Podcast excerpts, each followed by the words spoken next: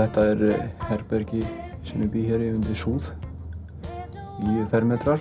Í rauninni virðast leyendur skiptast í tvo hópa, annars vegar eru þeir sem búa í leiguhúsnaði til bráðabyrða og er þá einhverjum um að ræða ungt fólk og eða millistjættar fólk. Af því ég gæti ekki bóðið eins mikið eins og aðrir, af því ég hafði ekki það mikið. En hinn hópurinn er sá sem leiði til frambúðar, einhverjum láttekju fólk að verka lístja. Það er bara eitt umfyllunarefni í lestinni 5. daginn 19. oktober, það er leigumarkaðurinn. Og kannski smá ásting. Ég heiti Kristján Guðjónsson. Og ég heiti Lóabjörg Björnstóttir.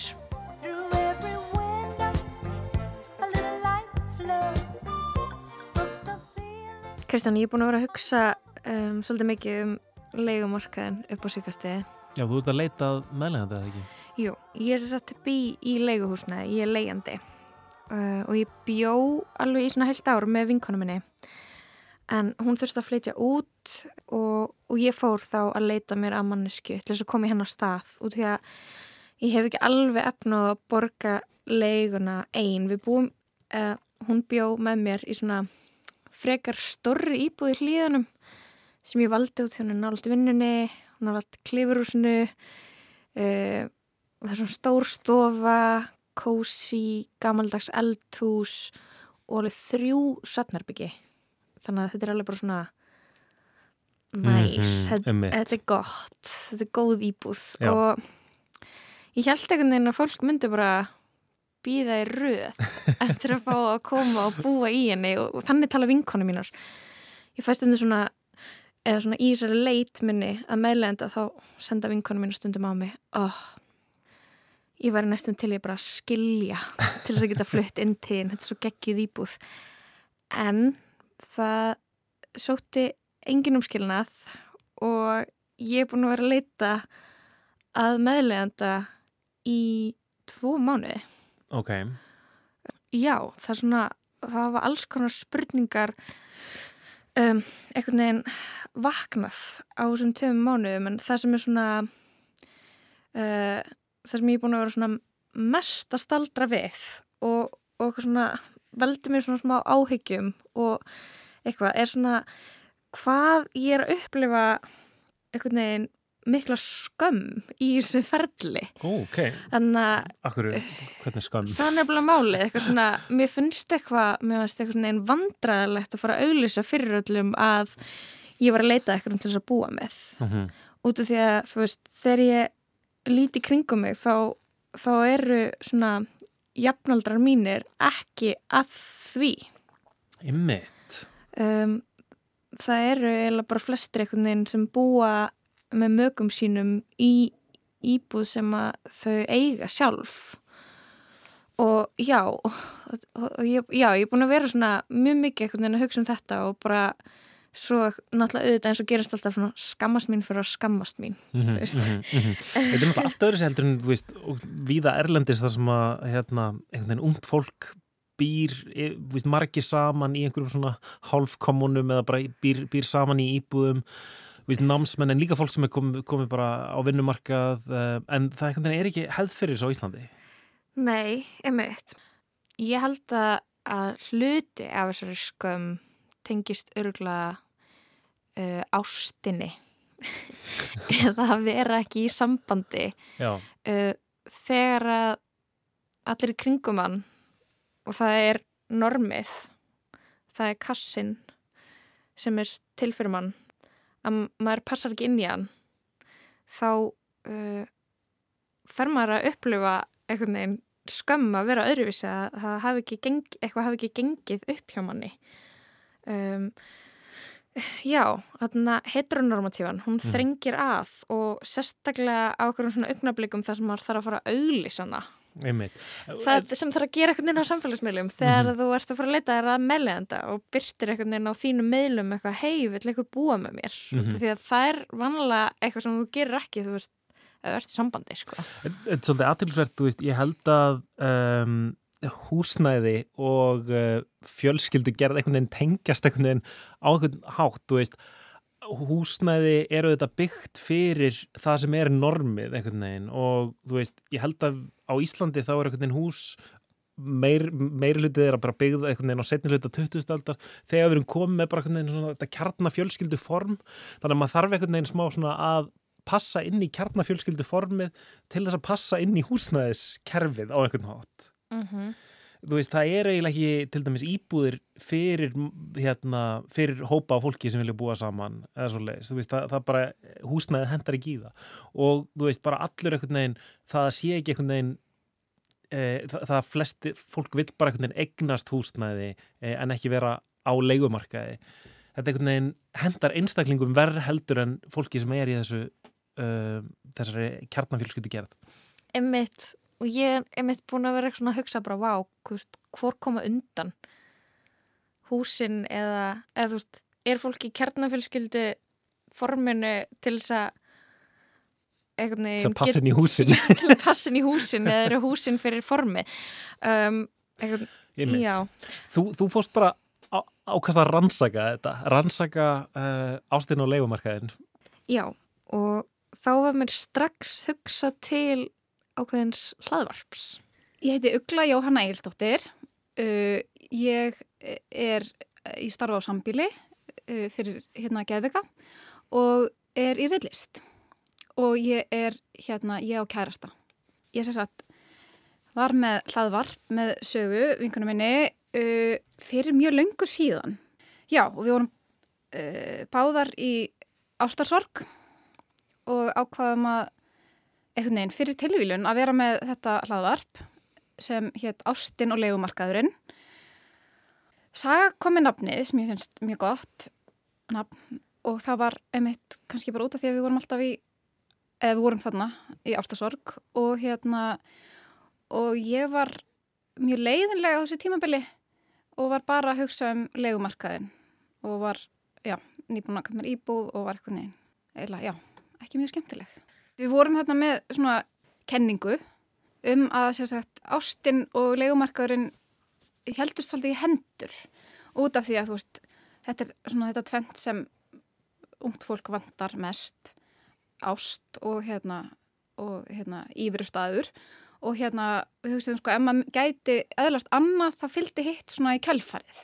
Þannig að hérna ef maður ætti íbúð þá kannski myndi maður eignast kærasta og af því að þú veist fólk vantar eitthvað stað til að búa á. Eða þú veist ef maður á kærasta þá getur maður kannski flutt inn til hans eitthvað svona. En ég verð að segja fyrir mitt leiti já ég var náttúrulega þarna í ástasorg og hérna nýbúin eignast íbúð en ég held ég hafi bara sjaldan verið jafn singul í jafn langan tíma sko eins og akkurat þannig á eftir. Mm. þannig að þessi kenning okkar um þjóðfélagið var raung held ég Þegar ég eignast mína eigin íbúð ætla ég Ugla er svo satt búin að búa í sinni eigin íbúðu í tíu ár og það róa mig svolítið svona að vita að hún er samt eiginlega bara nýbúin að eignast kærasta Þetta er ekki jafn náskilt og þú varst að reikna með. uh, nei, einmitt um, Sambönd og já, heimili. ekki hennar eitthvað svona einstaka dæmi en já, ég þarna, ég tók eftir í að um, bara, það er stelpa á mínum aldri svona, sem að ég kannast aðeins við sem að var í supum sporum og ég uh, líka að leita sér að meðleganda hún býr í Garðabænum ég ákvaði að kíkja heimsótt til hennar eiginlega sko líka bara til þess að koma staði hvort að henni liði eitthvað eins og mér Til að hafa ekki með þessa íbúð, Hrefna. Takk fyrir það, Lóa mín. Hvað er langt sem þú fluttir yngar inn? Um, svona, ég er örugglega búin að búa hérna í svona mánuð. Hvernig liður í nýju íbúðinni? Um, ógisla vel. Um, ég heitir Hrefna Björgjulódóttir, ég er 28 ára. Ég er sjálfbarniráðgjafi og mentaður kaospíloti sem er leiðt á hefni og ég er einhleip. Grípi fyrir munnin. Ok. Við erum í Garðabænum, við erum í ökrunum. Ég elska að búa hérna, krónan er rétt hjá. Ég er svona frekar, þú veist, ég er ein og halva mínúti að lappa í strætó og ég er frekar fljóta að komast allt sem ég þarf að komast.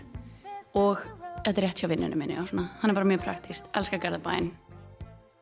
Velkomin í fórstofun okkar. Um, hérna geymum við skó og kápur. Þú lafa beintin í stofu. Ég eigði mestum tíma við þetta skrippborð þar sem ég er að fara yfir próf. Hér sest maður. Ég er ekki með neitt sjónvarp. Ég hef aldrei átt sjónvarp en kannski einn daginn mun ég að sjónvarp. Hvaðan kom þessi húsgögn? Góða heyrðinum. Nei, Marketplace, frítt. Þetta er eitthvað oddfell og húsgögn. Um, þetta er svona, sko, bara eitthvað sem ég og nýja herbyggisfélagin minn fengum gefins frá bara svona fjölskyldumeðlimum. Þessi lampi frá M og Ava, þetta frá frengum minn og frenda, þetta er eitthvað, uh, góða heyrðirinn.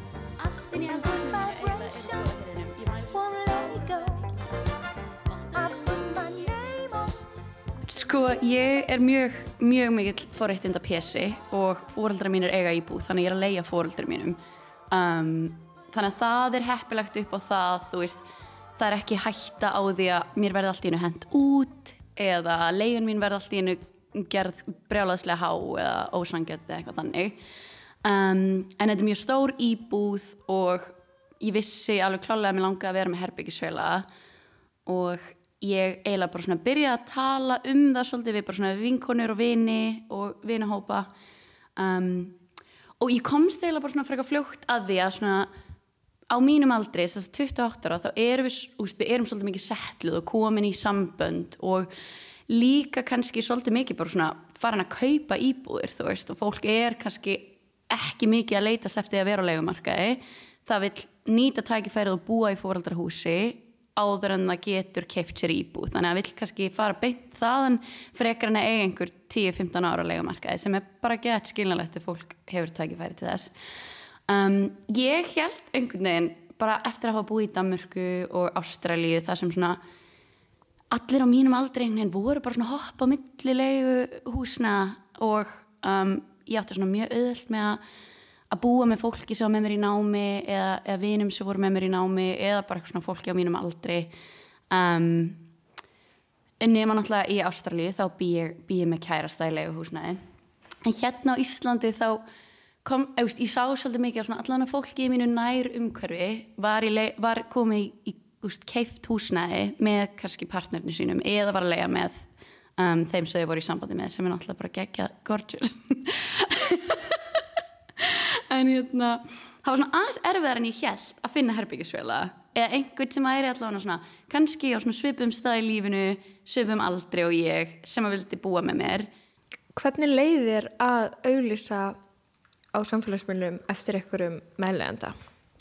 Sko, mér fannst það alveg svona smá óþægilegt. Bara ég held að því að ég sé ekki mikið af fólki á mínum aldri vera auglýsa eftir meðleganda eins og ég hafði svona upplöðað í Danmörku og Ástralíu. Þá voru einhvern veginn allir alltaf bara svona eitthvað, meðan það herbyggisfélaga um, og sérstaklega því að þegar ég setti á samfélagsmiðla eitthvað, ég er að leita herbyggisfélaga þá náttúrulega hrundu inn bara skilabóð um hjúskaparstöðu mín og bara svona já, ertu flutt til Íslands og þú veist, ertu einhleipið og svona hver er status í lífinu þinu þannig að það var svona frekar, hvað segir maður, svona vulnerable aðstæða að vera í.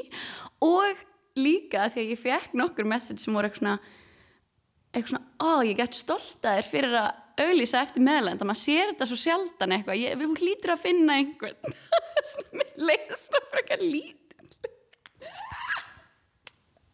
maður er eitthvað neginn búin að klúðra tækifærinu sínu til þess að passa inn í e, þú veist ímyndina. Eða þú veist, ég veit ekki hvort þú tengir eitthvað af þetta.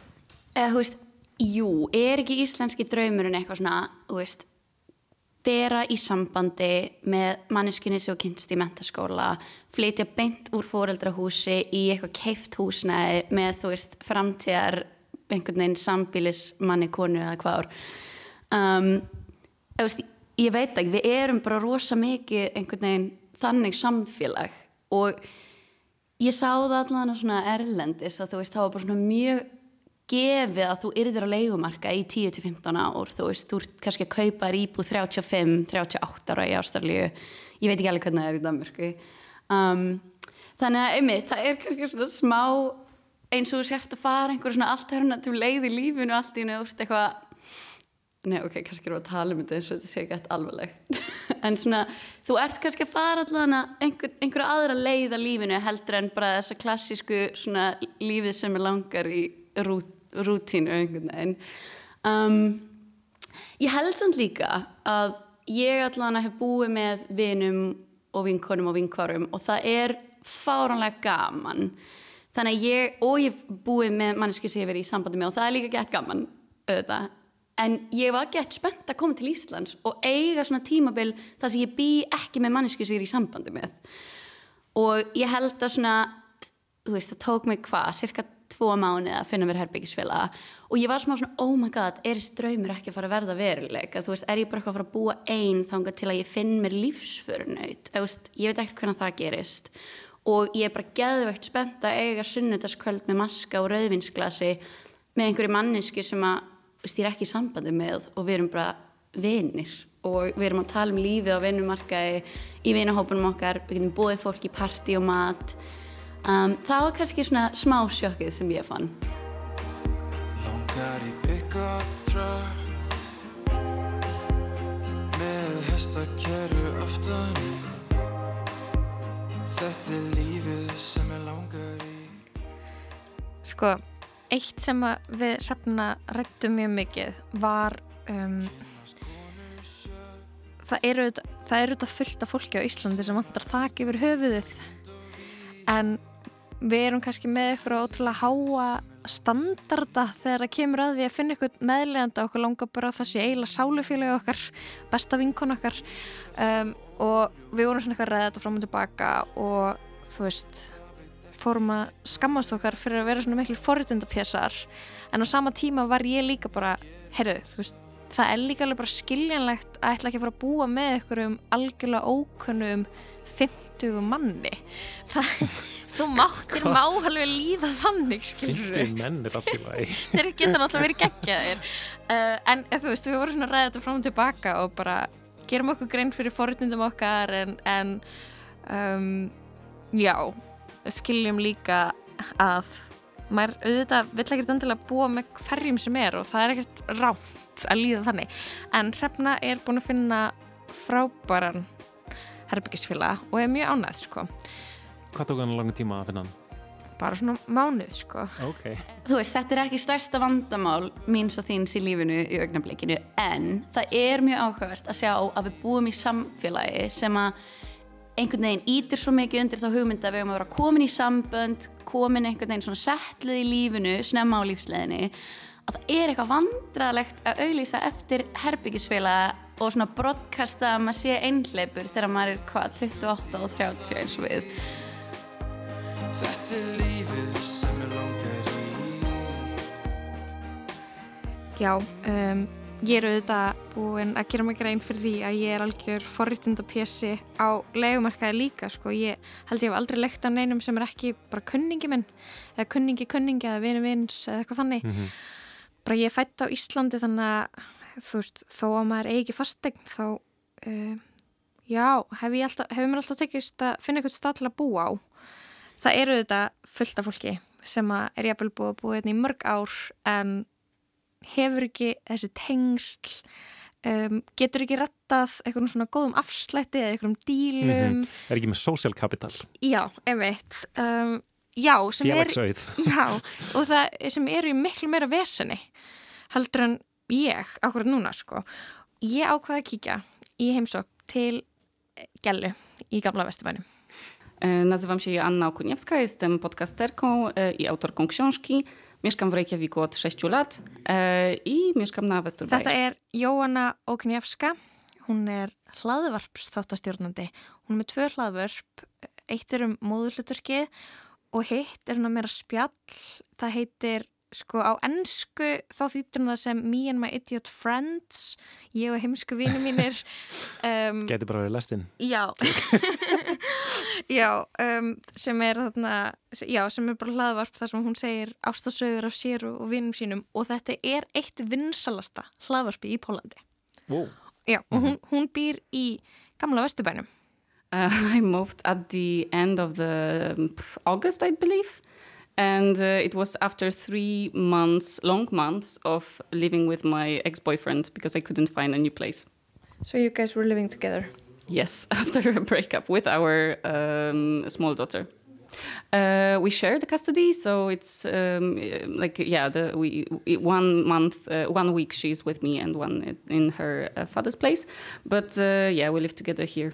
Eftir að Jóna og barnsfæðurinnar hættu saman, þá bygguðu saman í þrjá mánuði eftir að hættu saman. Af því að þau fundi ekkit annað? Nei, út í, já, út í að hún fann ekki neina íbúð. Hún var sérst búin að ákveða að flytja út og hann myndi fá að vera áfram í íbúðinni.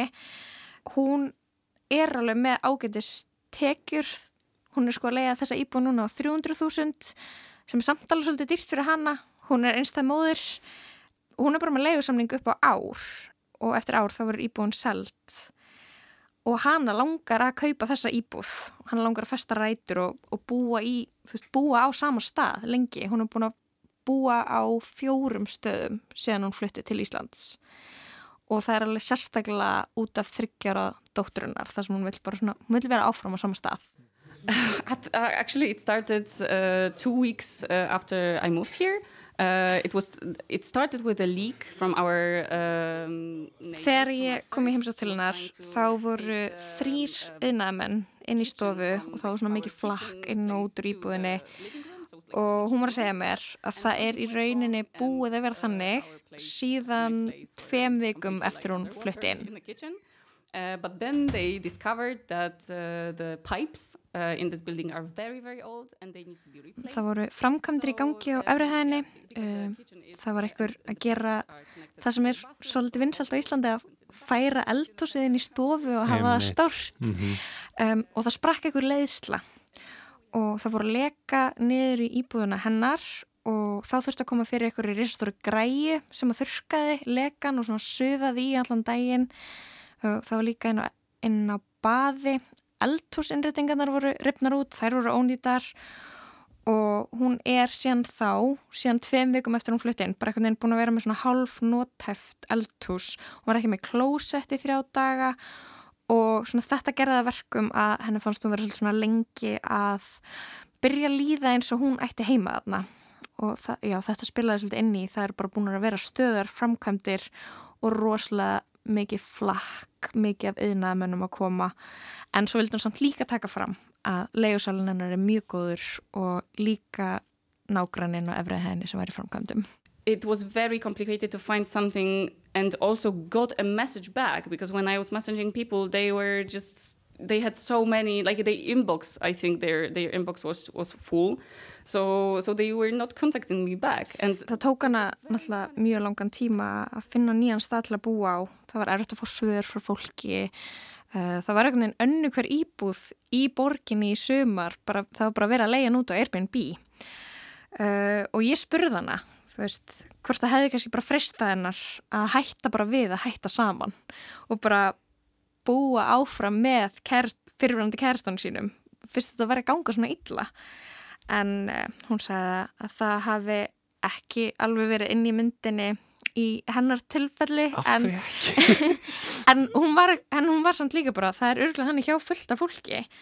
Um, hún hún var ekkert alveg búin að missa vonina um að finna eitthvað þó þetta hafi litið svona frekar illa út í sumar. Hún fór til dæmis ekki að skoða neinar aðrar íbúður og til hún fekk bara engin önnur svör. En hún var líka bara að segja, þú veist, ég er bara þrítug. Ég get alveg byrjað eitthvað nýtt líf þannig að hún, þarna, hún held þetta út og þarna, þó það, það, þau hafi verið farin að fara mjög mikið í töðunar ákvæmstu á tímafili þá hérna þá borgaði þetta sig á endanum. just because of the uh, living together or they have a loan together or or kids. But I don't think that maybe yeah I'm 30 so maybe we are too we know that we can change things.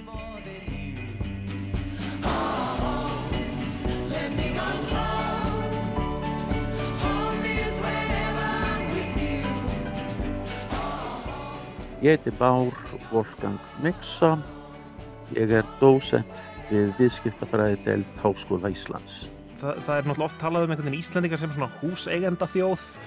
Af hverju hafa Íslandingar viljað eiga húsnæði í gegnum tíðina? Það má segja bara að þessi stefna hafi afmarkast fyrir eitthvað um það byl rétt hæppum 100 áru síðan og þetta hafi verið þessi svona vegvísir alla guttu síðan. Jón Rúnar Sveinsson, hann hefur rannsakað þetta hansi ítalega. Hans niðurstað er að þetta hafi svona byrjað einfalla vegna þess að þegar að fyrstu svona húsnæðislánin voru uh, veitt varðandi verkamannabústaði á uh, þriðja áratugnum, ef ég maður rétt, þá var það almennt í formi lána, hagstara lána, sem að gerði fólki kleift að byggja sitt eigi húsnæði. Og eins og ég saði, það er ekki vitað alveg af hverju þessi stefna var sett í fórgrunn en ekki einhvers konar legustefna sem var algengari á hinu Norðurlandunum. Og Jón Rúnar hann lýsir þessu með einhver meina að þetta hafi bara verið einhvers konar vísir af þeirri vegferð sem að síðar varð og uh, kynnslóðu nú enda mér, hún þá nú oft tala um í, hjá þeirri kynnslóðu að það var í fjárfest í steipu. Það var líka öðveldara að vinna í sínum eigin húsum þá, þá var minna regluverk.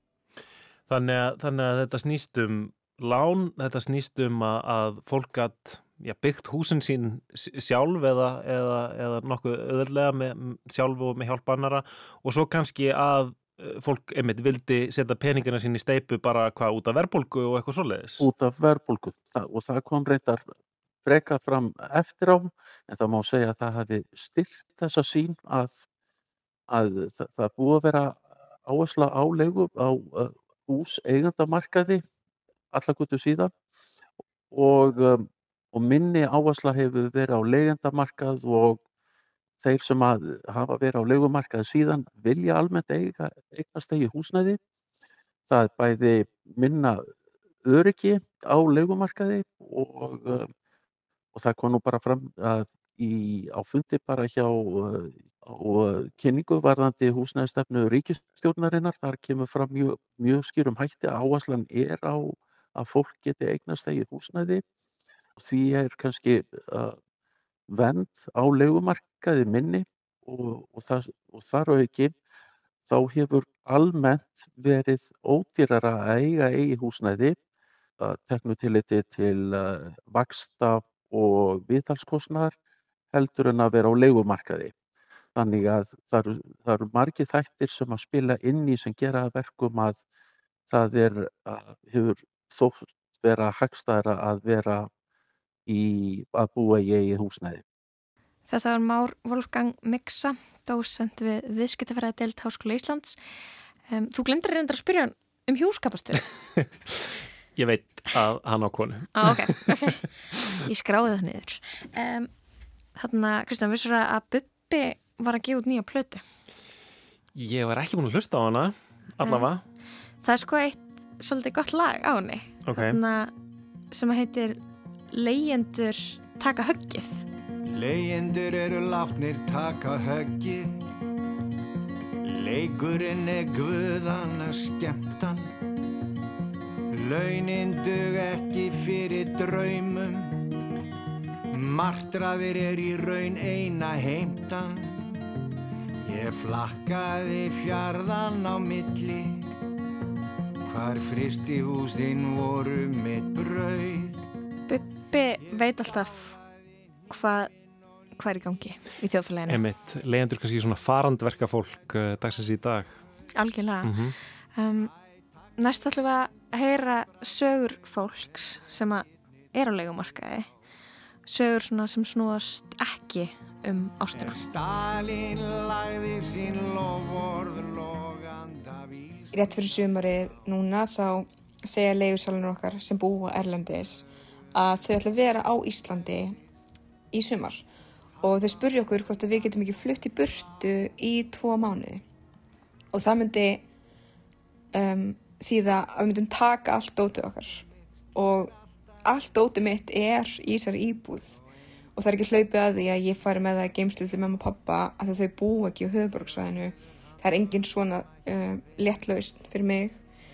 Um, og þetta enda alveg vel uh, við þurftum ekki að fara þau voru alveg næs með og þau eru ótrúlega fínt fólk. En þetta er svo sérstakt að þetta sé svona í lægi þú veist, við erum eins og bara mjög heppin með leigursala I um, got an offer to for um, rent a loft, a room actually in a loft in a, a very attractive price. It was I don't remember very well, but I think it was like a fifty or fifty-five thousand kronas, uh, which was of course uh, uh, a very temptative, and uh, and the offer looks really nice, very cozy room uh, in a in a loft where there they had five rooms. So I went there, met the the the landlord who was a young uh, Icelandic man and he showed me the the room which was not horrible not excellent but as well not horrible but let's be honest 50000 um, and uh, i asked him all right where's the bathroom and he showed me a bathroom which was uh, actually a toilet with the tap and sink nothing more and i asked him all right so um, uh, where i am gonna I take a shower. And he said, No, no problem. Shower is actually not a problem. There is a, a swimming pool, like five minutes walk from here. That was on Seltjarnarnes. So you can just very easily, you know, go to the swimming pool for uh, just for wash yourself. And I was like, all right. And then one toilet for how many people? Um, I think that like seven people might live here, he replied. So that was a very it was funny, you know. I, I wouldn't I never would like to live in the conditions like that. Uh, but apparently people live like that. Var þeirri stöðu í lífunu þá að hafa gengi ekki um bílslis og eftir stöður á því og var á örorku eftir að hafa verið hátíki maður í mörg ára áður og þá svona var maður alltaf fótakar og fótakar og leittist þess að fara já, út úr bænum þess að leiði íbúð sem ég hafði efna og ég fann þetta gamla rathús við sjóin út í Indi Njárvík. Þannig að ég sé með þannig leigu, frekar útýra leigu. Síðan bara byrjaði upp úr 2011-2013 leigan að hækka allstað. Þannig að leiguverðsækur nú Reykjavík fyrir að berast í Reykjanesbæ, Selfors, Akranessi og framvegis. Þá hún, kemur hún til mig síðan uh, og vill húnum fyrir að tvöfalda leiguverð. Og ég er þá búin að fara undan búin að vera að tala við hann að það leki svo mikið inn í hús og akkur nú í morgun þá fekk ég þessa minningu í síma þar sem ég er með myndband. Og ég er að taka myndband af vassflaumunum sem lekur niður úr ljósastæðinu inn í stofu og þetta var svona þrejum stöðum í íbúðin í hamar það lag inni þurfti að hafa sko fötur, svona stóra fötur undir. Og ef það var rikning þá gæti ég ekki farið að því það er fylltust. The moment that uh, stands out for me is uh, how two times I've traveled to a scheduled meeting with my eventual landlord, and uh, the last moment uh, I was informed uh, that the room was already rented. Svo ringi ég hann og spyr hvort ég megi koma að skoða eftir helgina því ég var í vinn, vinn um helgina en hann segir að það sé eiginlega ekki hægt að því þá veri íbúin bara löngu farin til einhvers annars og segir mér bara að koma strax Þannig ég fyrir að skoða þessa íbúð, þetta er eitthvað svona algjör hóla þarna í kjallarannum. En ég sá samt alveg svona potential þarna, að þetta geti verið cozy. Og, og svo var, var hann alltaf bara ótrúlega ódýr, var sett á hana 110.000 á mánuði á 50 fermetra sko, sem var alveg bara magnað. Já, reyndar lækkaði hann svo leiguna niður í 100.000 því að hann um leist svo vel á það að ég væri listamæður. en já, síðan flytti Bjarni inn til mín uh, mánuði setna og hann vantaði líka íbúð sko og við vorum að fá húsalegubætur hana til að byrja með sem með minnur að hafa verið hvað ykkur um 30 skall þá var þetta 35.000 krónur á mann á mánuði sem er alltaf bara alveg fáranlegt sko. Og síðan förum við eitthvað svona grænslast í geimslunni í íbúðinni og finnum þar bara alveg heilan helling af einhverjum kommunista rítum sko. Og þar var komin ástæðin fyrir því af hverju íbúðin var svona ótrúlega ódýr. So I am renting in Keflavik. I have uh, like a legal contract getting housing benefits, but this month, without a warning, landlord decided to raise up the rent almost twice. On contract it's written 80,000 and also these mm, including uh, oh, forgot this word, inflation, yeah. So like I was always paying around 95,000 kronas per month. Of course, by the market, it's like lower. Looking now with rent prices, so he decided without any warning to raise up the rent up to 150,000. I got the bill, I asked what is going on, and he said, ah, if you don't like, you can move out next month. The rent is needs to be raised up. Okay, I would agree if he warned me and made a new contract, but it's like I have an old contract but have to pay almost double. Uh, he agreed that agreed to make a new contract. He said last week he will tell to his accountant to make it, but he didn't made it. At the end he said, "Oh, you know how to do it. Make the contract. I will come and sign." Okay, I made that contract, but now, like today, I was calling to him. He is not picking up the phone.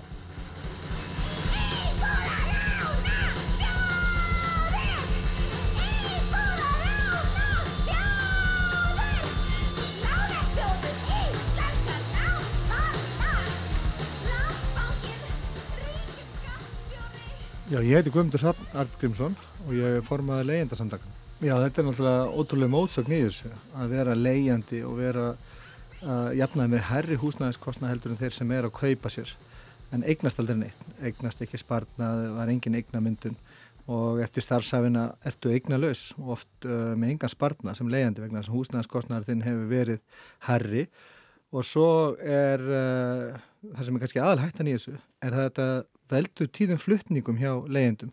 Bæði gefast þeirra upp undan þeirra leigur sem verða að bjóða við endur nýja samlinga og eru sífælt að leita sér að uh, ódýrar leigu og svo bara er uh, leigumarkaður mjög óstöfuður. Ég til dæmis sjálfur að lendi því núna í fjörðarskiptið síðan 2009 að þurfa að fara að flytja vegna þess að vera að selja eða eigandin er að flytja heim aftur og, og þess áttar.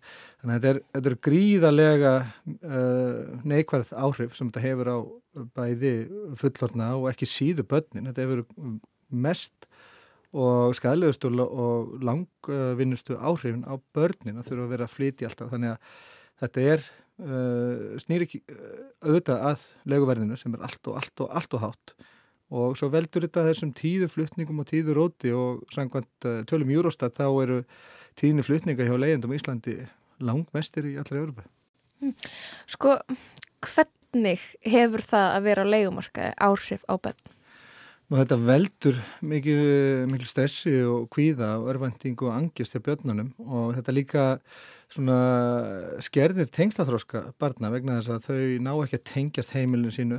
Þetta verður jafnvel til þess að foreldrarnir sko svona, uh, svona brinja sig fyrir þessari sæðslu og þessari ónótum og ángið sem börnin verða fyrir og það líka svona rýfur þennan tengsla, þessa tengsla myndun myndlu barna og foreldris vegna þess að, að ég finna bara sjálfur að, að hérna að uh, þetta er mjög átangalegt og erfitt að þurfa að tilkynna börnunum sínum í sífellu að það sé verið að flytja einu sunni enn og þau eru rétt kannski búin aðeins að finna til smá öryggis og þau eru búin að koma sér fyrir í herbygginu og þau eru svona farin að kannastu umhverfið og svona.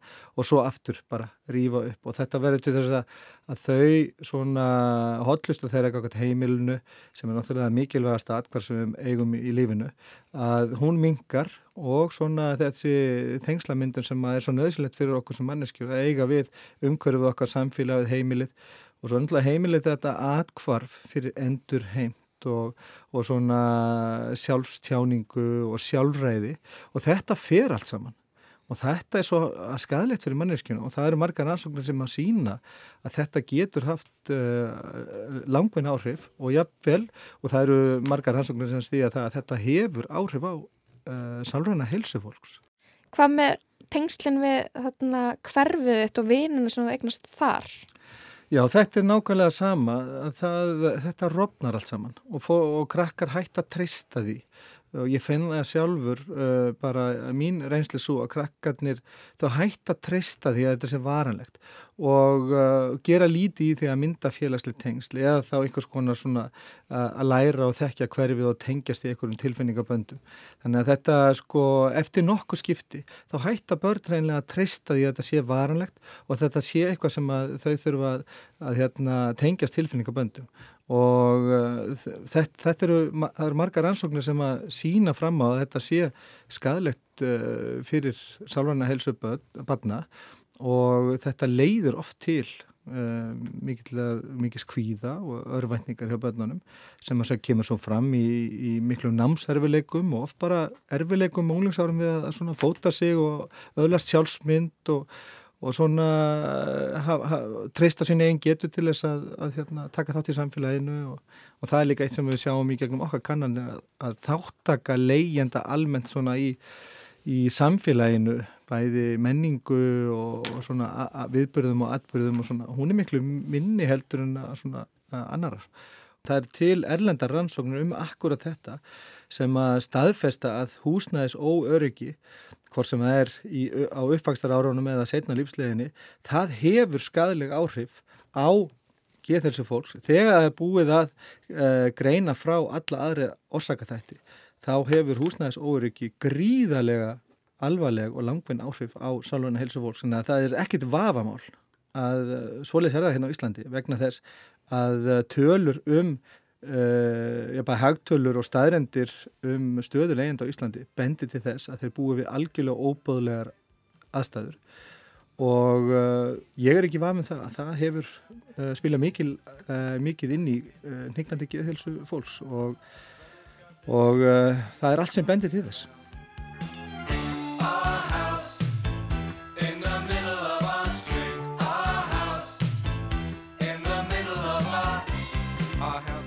Sko, ég er alveg búin að áttum á því að ég er í mikilvæg forréttundastöðu á, á leikumarkaði.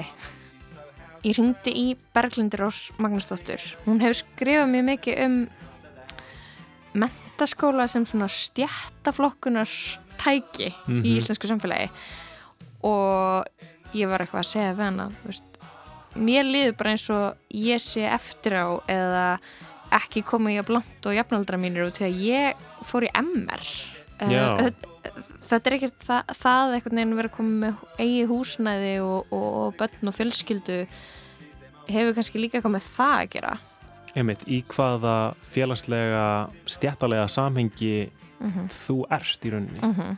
Nákvæmlega en svo líka ótrúlega finna því að eftir MR þá fór ég í listnám og kynntist rosalega mörgum óheðbundnum einstaklingum. Mm -hmm.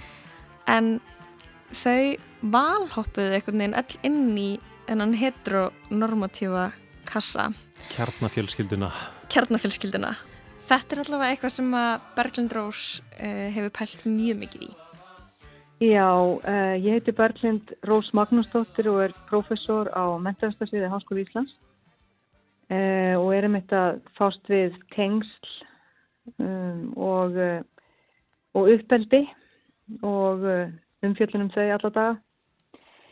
Uh, Hjúskaparstaða mín er svo að ég á unnusta sem að býr ekki í, hjá mér eða með mér um, og ég bý í eigin húsnaði um, sem ég vil samt sem á að setja einan gæsalappa því að það er alveg stór hluti af því í hérna í eigu bankana tannis ég uh, þar sem ég er að borga láni.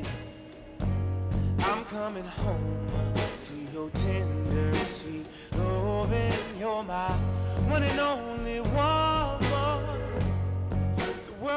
Þenar finnum við okkur heima? Það er nefnilega uh, getur verið bara erfitt fyrir okkur að, að upplifa þá tilfinningu og hún er oft mjög mörguð uh, þeim svona aðstæðan sem við ólust uppið uh, og við erum ofta að reyna að endurskapa eitthvað sem við þekkjum með svona örlitlum breytingum auðvitað. Þannig að um, þess vegna einhvern veginn enda meira og minna allir í, í svona endurskapast kerfið aftur bæði af því að einstaklingar leita oft í það sem að hérna, þeir þekkja og svo líka af því að kerfi sjálft eh, stiður við það. Það er eins, eins og hefur náttúrulega oft komið fram svo miklu ódýrara ef maður hérna er með maka og bara ekki bara samanlega húsnaði heldur bara svo ótal margt annað.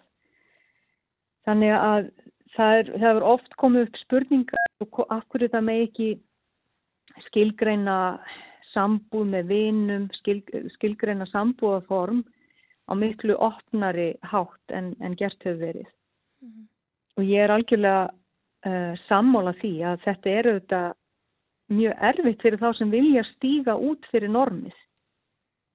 Uh, og, uh, og til dæmis vilja ekki, vilja ekki endilega búa með ástmanni eða ástkonu sinni heldur kannski fyrst og fremst vinnu sínum, vilja deila sín heimili með einhverjum öðrum en því sem er vanalegt. Þannig að já, ég myndi segja að, eh, að það er leysing í samfélaginu á, á, á hérna svo mörgum vikstöðum. Það er líka að koma inn hér fullt af nýju fólki sem er um þetta líka að leita að þessari tilfinningu hvar finn ég mig heima. Það, það er ennþá erfiðara fyrir þann hóp að uh, festa rætur uh, í, í kerfi sem er svona þröngt skilgreint. Uh, því að oft er, eru það einstaklingar sem verður að rýfa sig upp með rótum og reyna að finna vinnu og stað, já, að, að reyna að finna fótfestu í nýjum heimi, mm. í nýju tungumáli og svo framvegis. Og svo, þetta, svo þurfum við ekkert eins og að uh, fjalla um í rauninni erfileika útlendinga sem kominga heldur eru þetta hópar hér á Íslandi innbyrðis mjög misjafnis. Og svona ríkjandi stjætt, hún í rauninni er svo sem við heldur þessum gildum mjög stert. Þessum svona hefðbunni fjölskyldugildum, þessum hefðbunni borgaragildum og uh, sem gerir hinnum erfiðara fyrir. Og þar af leiðandi má segja að, að þá hópu hafið það best í því kerfi sem við búum við í dag. Okkur heldur að upplifið skam að vera einhvern veginn einhleipur á, á leikumarkaði og, og finningan til þess að búa með? Um, það er einmitt út af þessum sterku, sterku normum á, ákveðnum aldri þá eigir þú að vera búin að ná ákveðnum árangri, hvort það er í engalífi eða fjölskyldulífi eða ofinbörulífi og ef að þú uppfyllir ekki þau svona viðmið þá uh, er, er svo ótal margt sem er óbeint að segja þér að, að, að hérna þú sérst ekki uppfyllir þau, það þarf í rauninni svo lítið til uh, það þarf bara einfallega að mæta í, í badnaðamæli vina eða eða fjölskyldu hitting, um, mjól, þar sem hérna áminningin er stöðu, jólin er að snúast um ákveðin tengsl.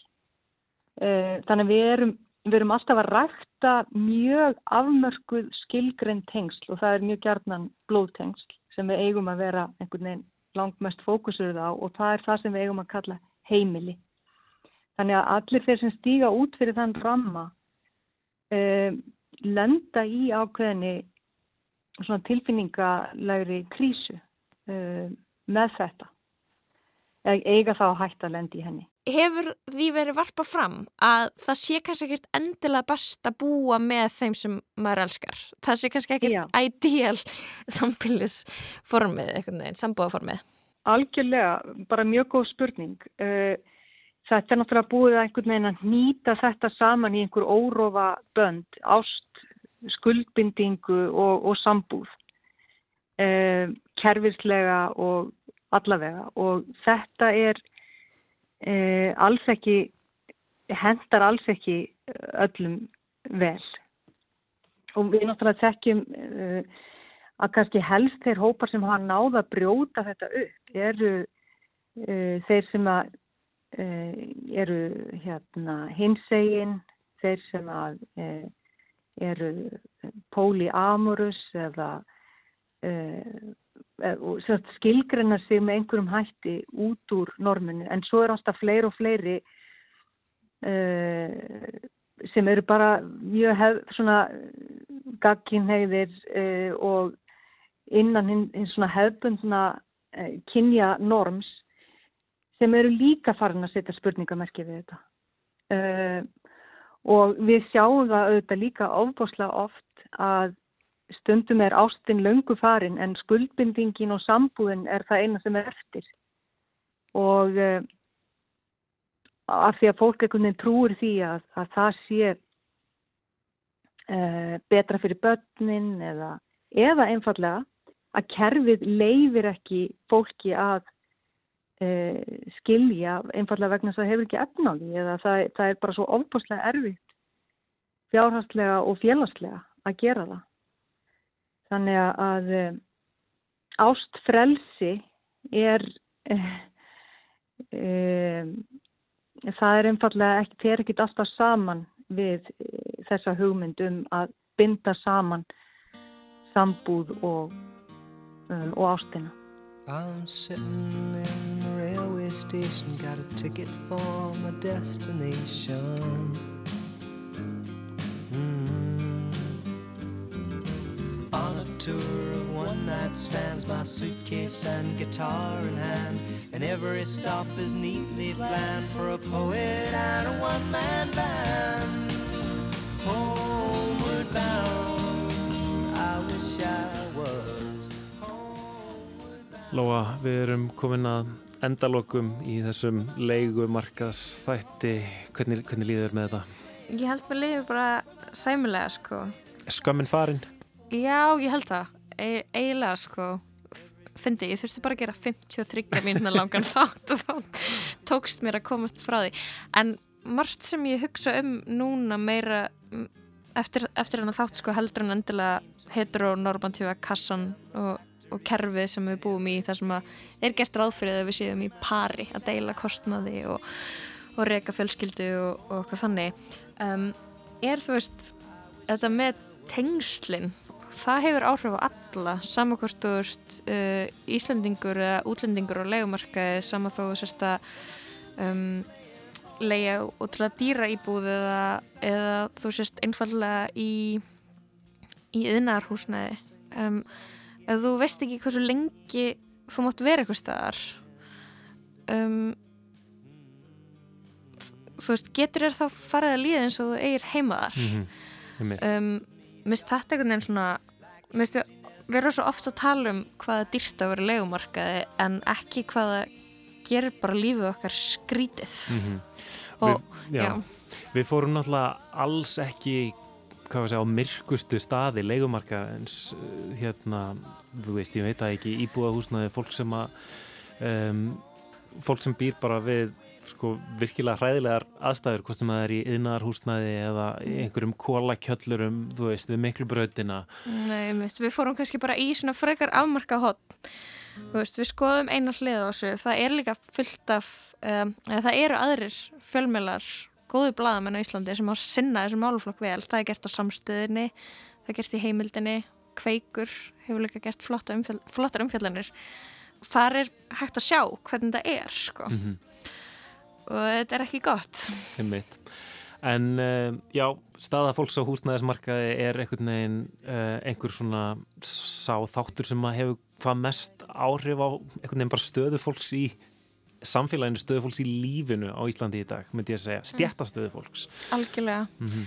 og það verður hægt að fjalla um þetta mjög mikið lengur Já, uh, við vorum bara, vorum bara svona klóra yfirborðið sko. En já, við erum konuð leðalókum við viljum þakka öllum þeim sem senda okkur uh, leigumarkað sögur, líka þær sem að rötuð ekki inn í þáttina þessu sinni.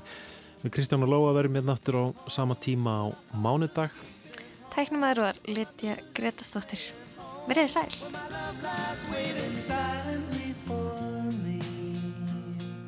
Tonight I'll sing my songs again. I'll play the game and pretend.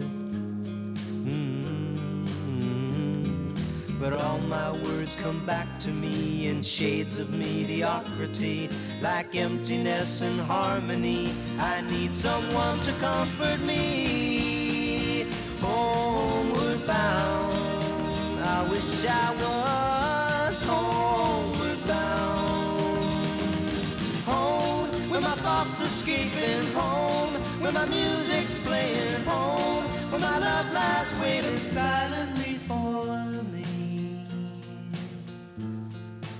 silently for